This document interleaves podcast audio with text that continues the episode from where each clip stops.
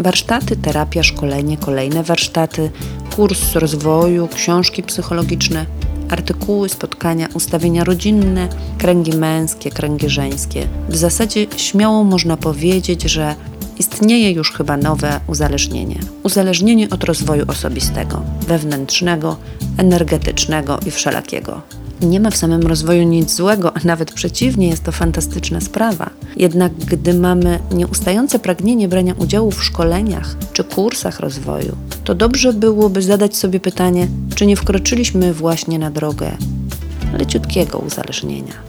Zauważ, że jeśli interesuje Cię rozwój własny, dobrostan psychiczny i emocjonalny, to sam udział w warsztatach czy terapii i najmądrzejsza książka nie pomogą.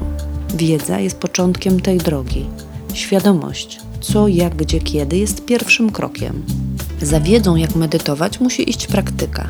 Za wiedzą, jak gotować, muszą pójść ćwiczenia z warzywami, makaronami i garnkami na kuchni. Kolejnym krokiem jest właśnie to działanie. Dobrze jest to, czego człowiek się dowie na wszystkich uczelniach świata, wdrożyć w życie, zastosować, przećwiczyć, żyć w zgodzie z tym, co uważamy za słuszne, właściwe dobre dla nas i dla innych. Sama wiedza, a nawet dzielenie się z nią na Facebooku będzie tylko i wyłącznie filozofią, potrzebną, niezbędnym pierwszym krokiem. Ale potem dobrze jest uczynić krok drugi. Dopiero to może doprowadzić do jakiejś zmiany.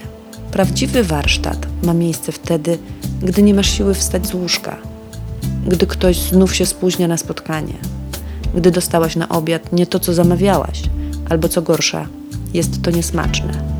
I jeszcze wtedy, jak przed tobą jedzie safanduła, a ty akurat się strasznie spieszysz.